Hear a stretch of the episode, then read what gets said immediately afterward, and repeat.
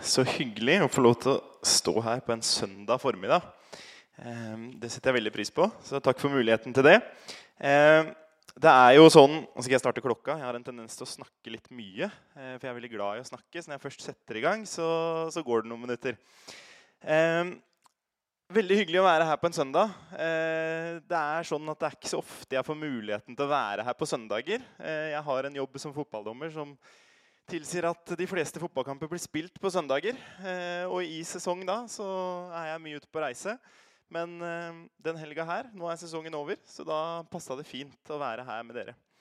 Og da Helge Terje ringte og, og, spurte om jeg hadde lyst til å tale på søndagsmøtet, så sa jeg selvfølgelig ja. Jeg eh, syns det er utrolig hyggelig å bli spurt. og synes Det er fint å være her sammen med dere og kunne dele av det jeg har på hjertet. Um, og Det første jeg begynte å tenke på, da, det var jo ok, Marius, hva, hva skal du dele for noe nå? Hva, hva, hva, skal vi legge fram den søndagen her? Hva er det som ligger på ditt hjerte?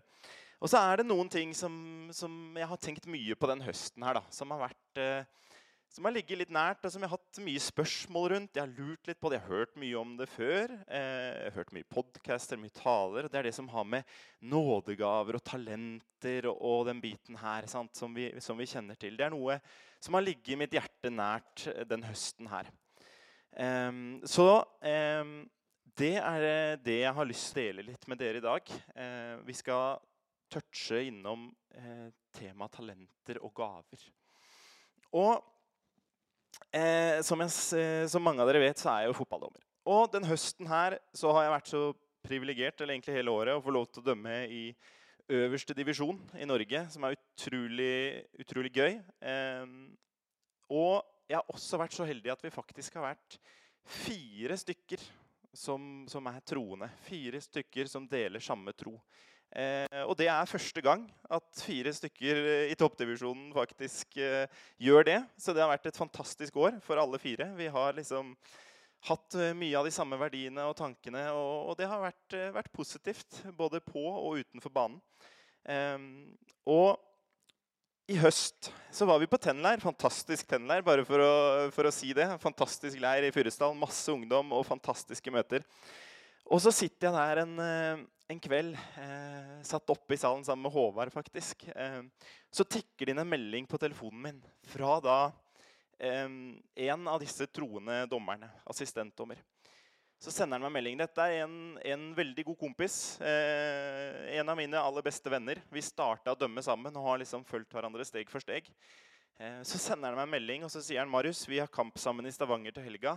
Og det blir min siste kamp da, da er jeg ferdig. Og han er 26 år.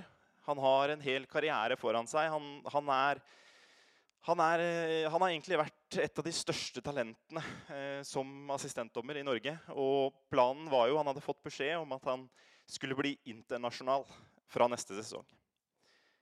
Og det her var en, eh, det kom som et sjokk. Eh, og det var sånn Oi, hva, hvorfor, hvorfor skjer dette? Um, og så har vi kamp sammen i Stavanger, og så snakker vi, og så sier han du, vet hva, Marius? Alt ligger jo til rette for en strålende karriere. Endelig har jeg liksom kommet til Eliteserien. Endelig skal jeg ut internasjonalt. Men, men dette blir for mye for meg.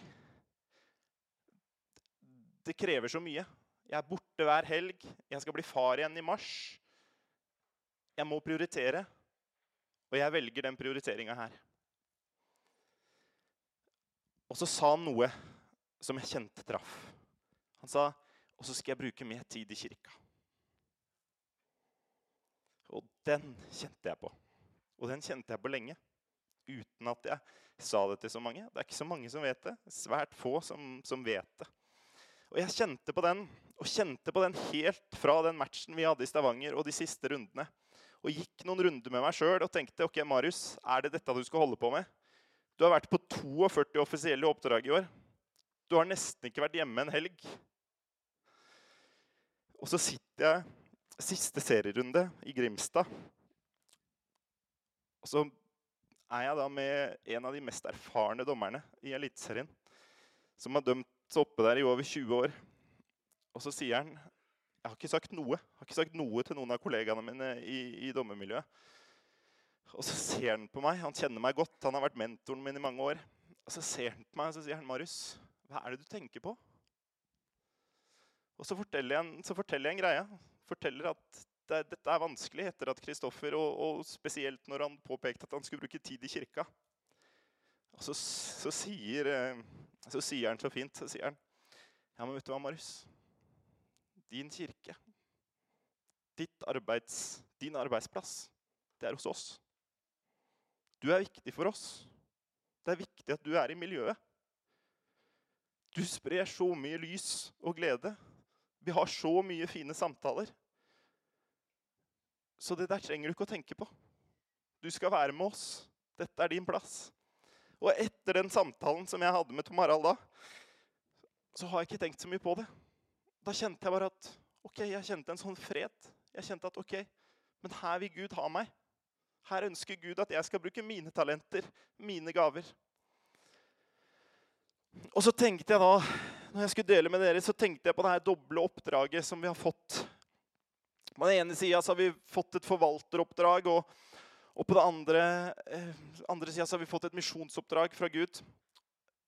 Og vi sendes jo ikke tomhendte på oppdrag. Vi sendes ikke tomhendte. Vi har mottatt Den hellige ånd, som utruster oss med gaver. Og vi er kalt til å bruke de gavene.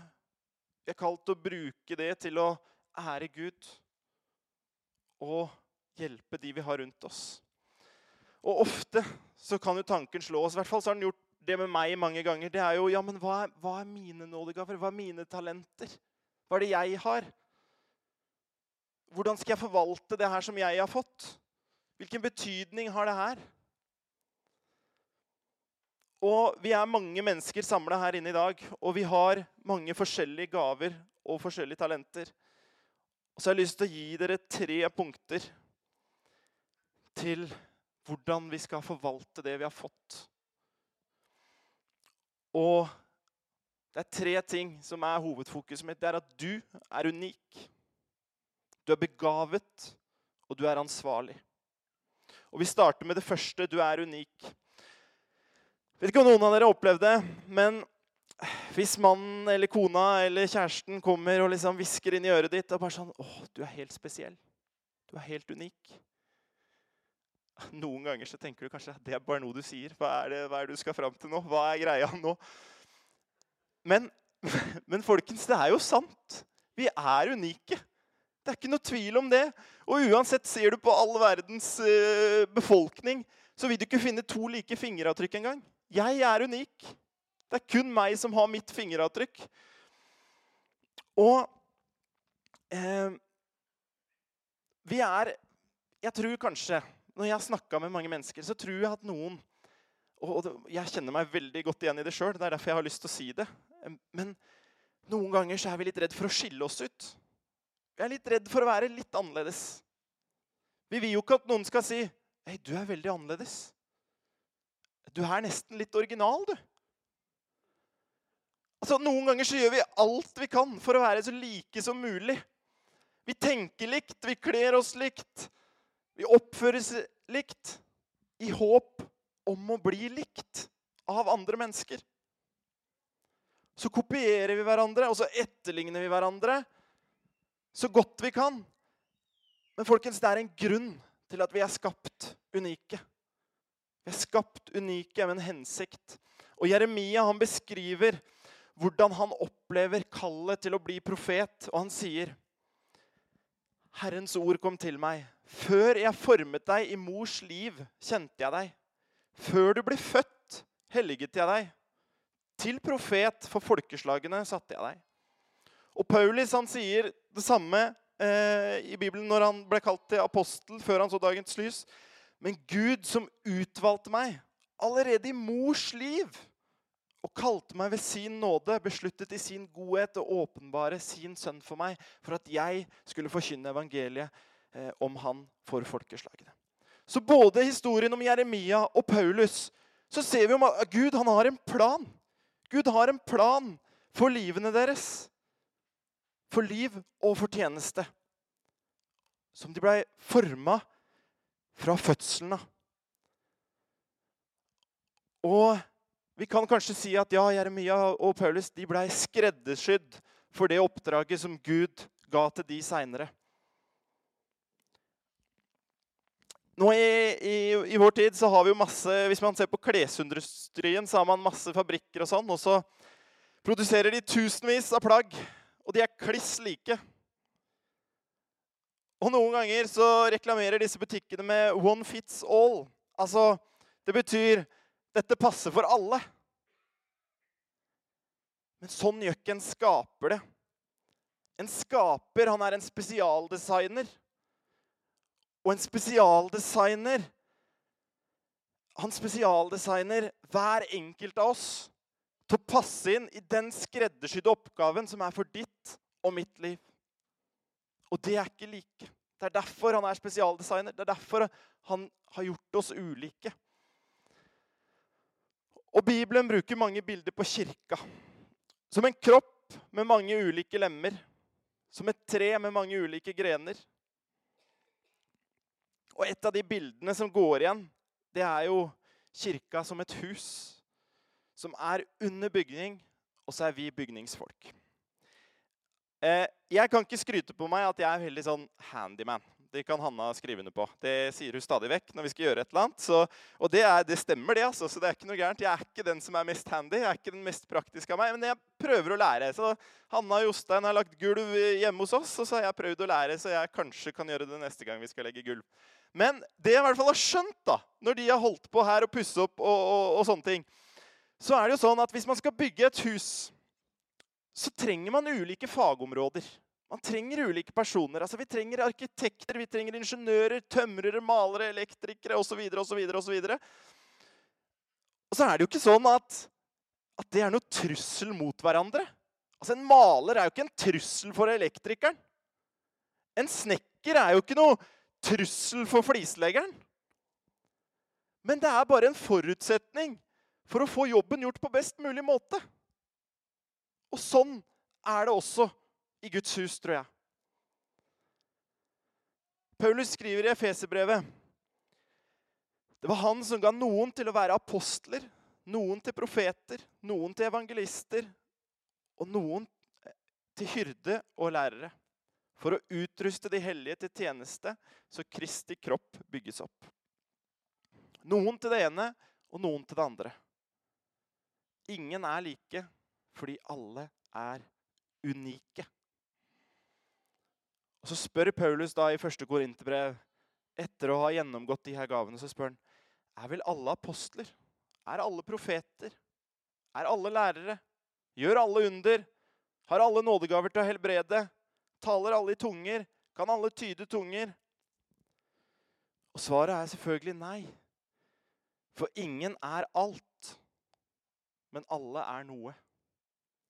Og så er spørsmålet hva er din tjeneste? Hva er din plass? En av de største utfordringene vi har i samfunnet i dag, og jeg tror det bare kommer til å bli større og større, det er sammenligningskulturen. Den er ikke ny, men den blir sterkere og sterkere. Det er mer og mer. Ja, jeg bor selvfølgelig i et helt OK hus, men, men ved sida av han der som har den villaen, så blir jo huset mitt en rønne. Ja, jeg er jo, ser jo helt OK ut, men ved siden av en modell så er den kroppen her et vrak. Altså, Vi sammenligner oss med alt vi kan sammenligne oss med. Alt som er rundt oss. Vi vurderer opp og ned.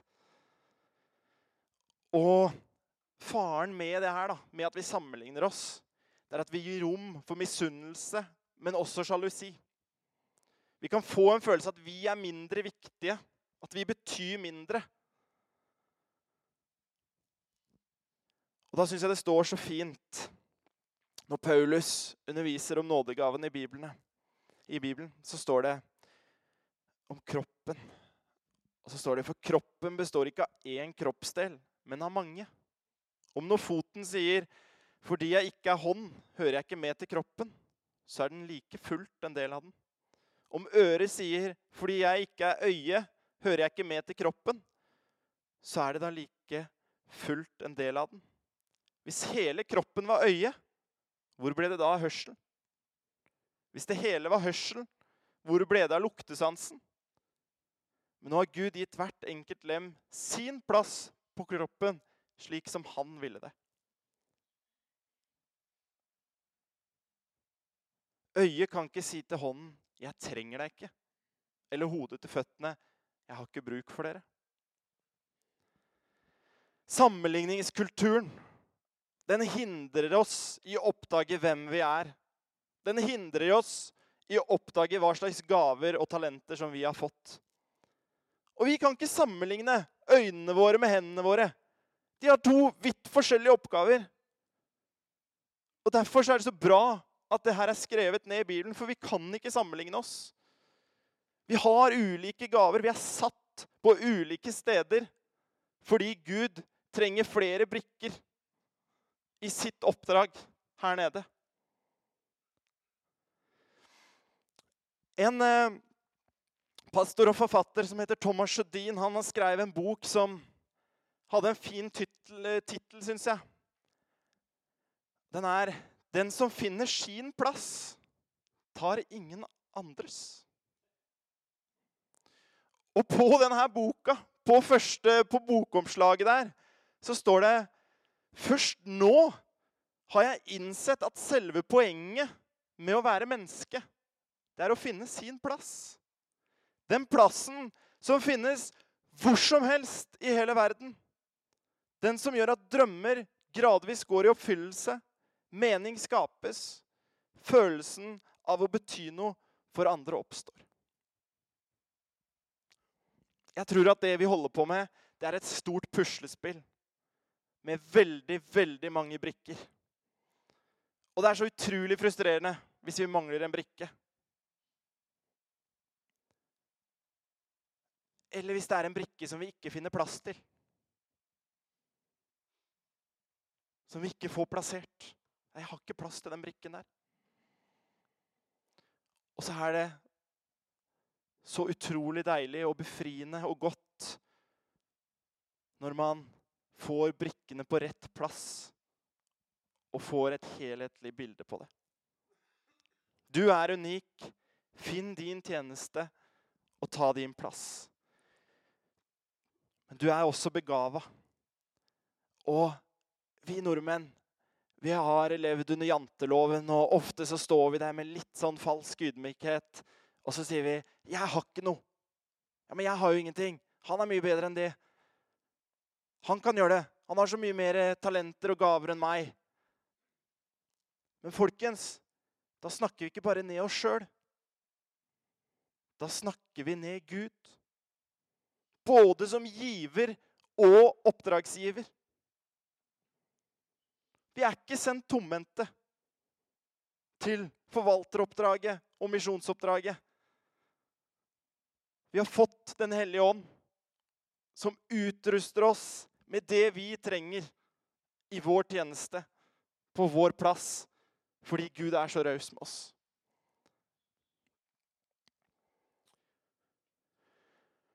Når man oppdager hva som er sitt gave, sitt talent, så er det lettere å finne sin plass. Og jeg ser for meg at nådegavene som verktøy vi bruker for å løse oppgavene og møte de forskjellige behova som vi møter, uansett om du gjør noe i kirka eller utenfor kirka. Og noen mennesker tror at Gud kaller oss til noe vi ikke er utrusta for, eller noe vi ikke er klare for. Og Derfor så har jeg ikke så lyst, for dette kjenner jeg at dette er ikke så komfortabelt. Dette har jeg aldri gjort før. Men hvis vi begynner å oppdage, hvis vi begynner å prøve, så kanskje vi oppdager hva slags unike gaver vi faktisk har.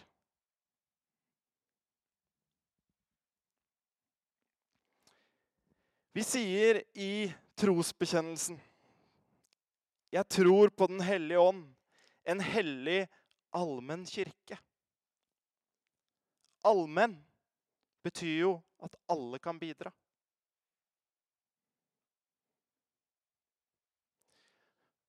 Peter sier, 'Tenn hverandre, hver og en, med den nådegave han har fått.'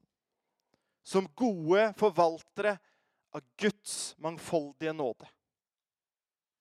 Altså, det står hos hver enkelt. Det står ikke hos noen enkelte. Det betyr at alle som sitter her, har fått noe.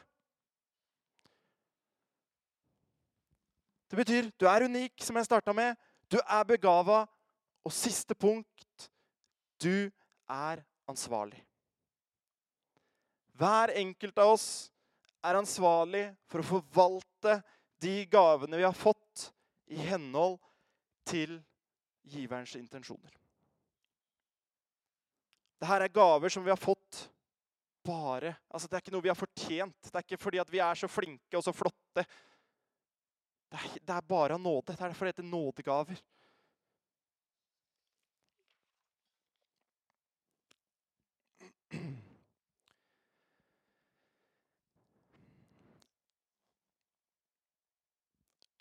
Dere har sikkert hørt den historien eller den lignelsen her mange mange ganger. Men jeg har lyst til å avslutte med den. Det er lignelsen om talentene. Den står i Matteus 25.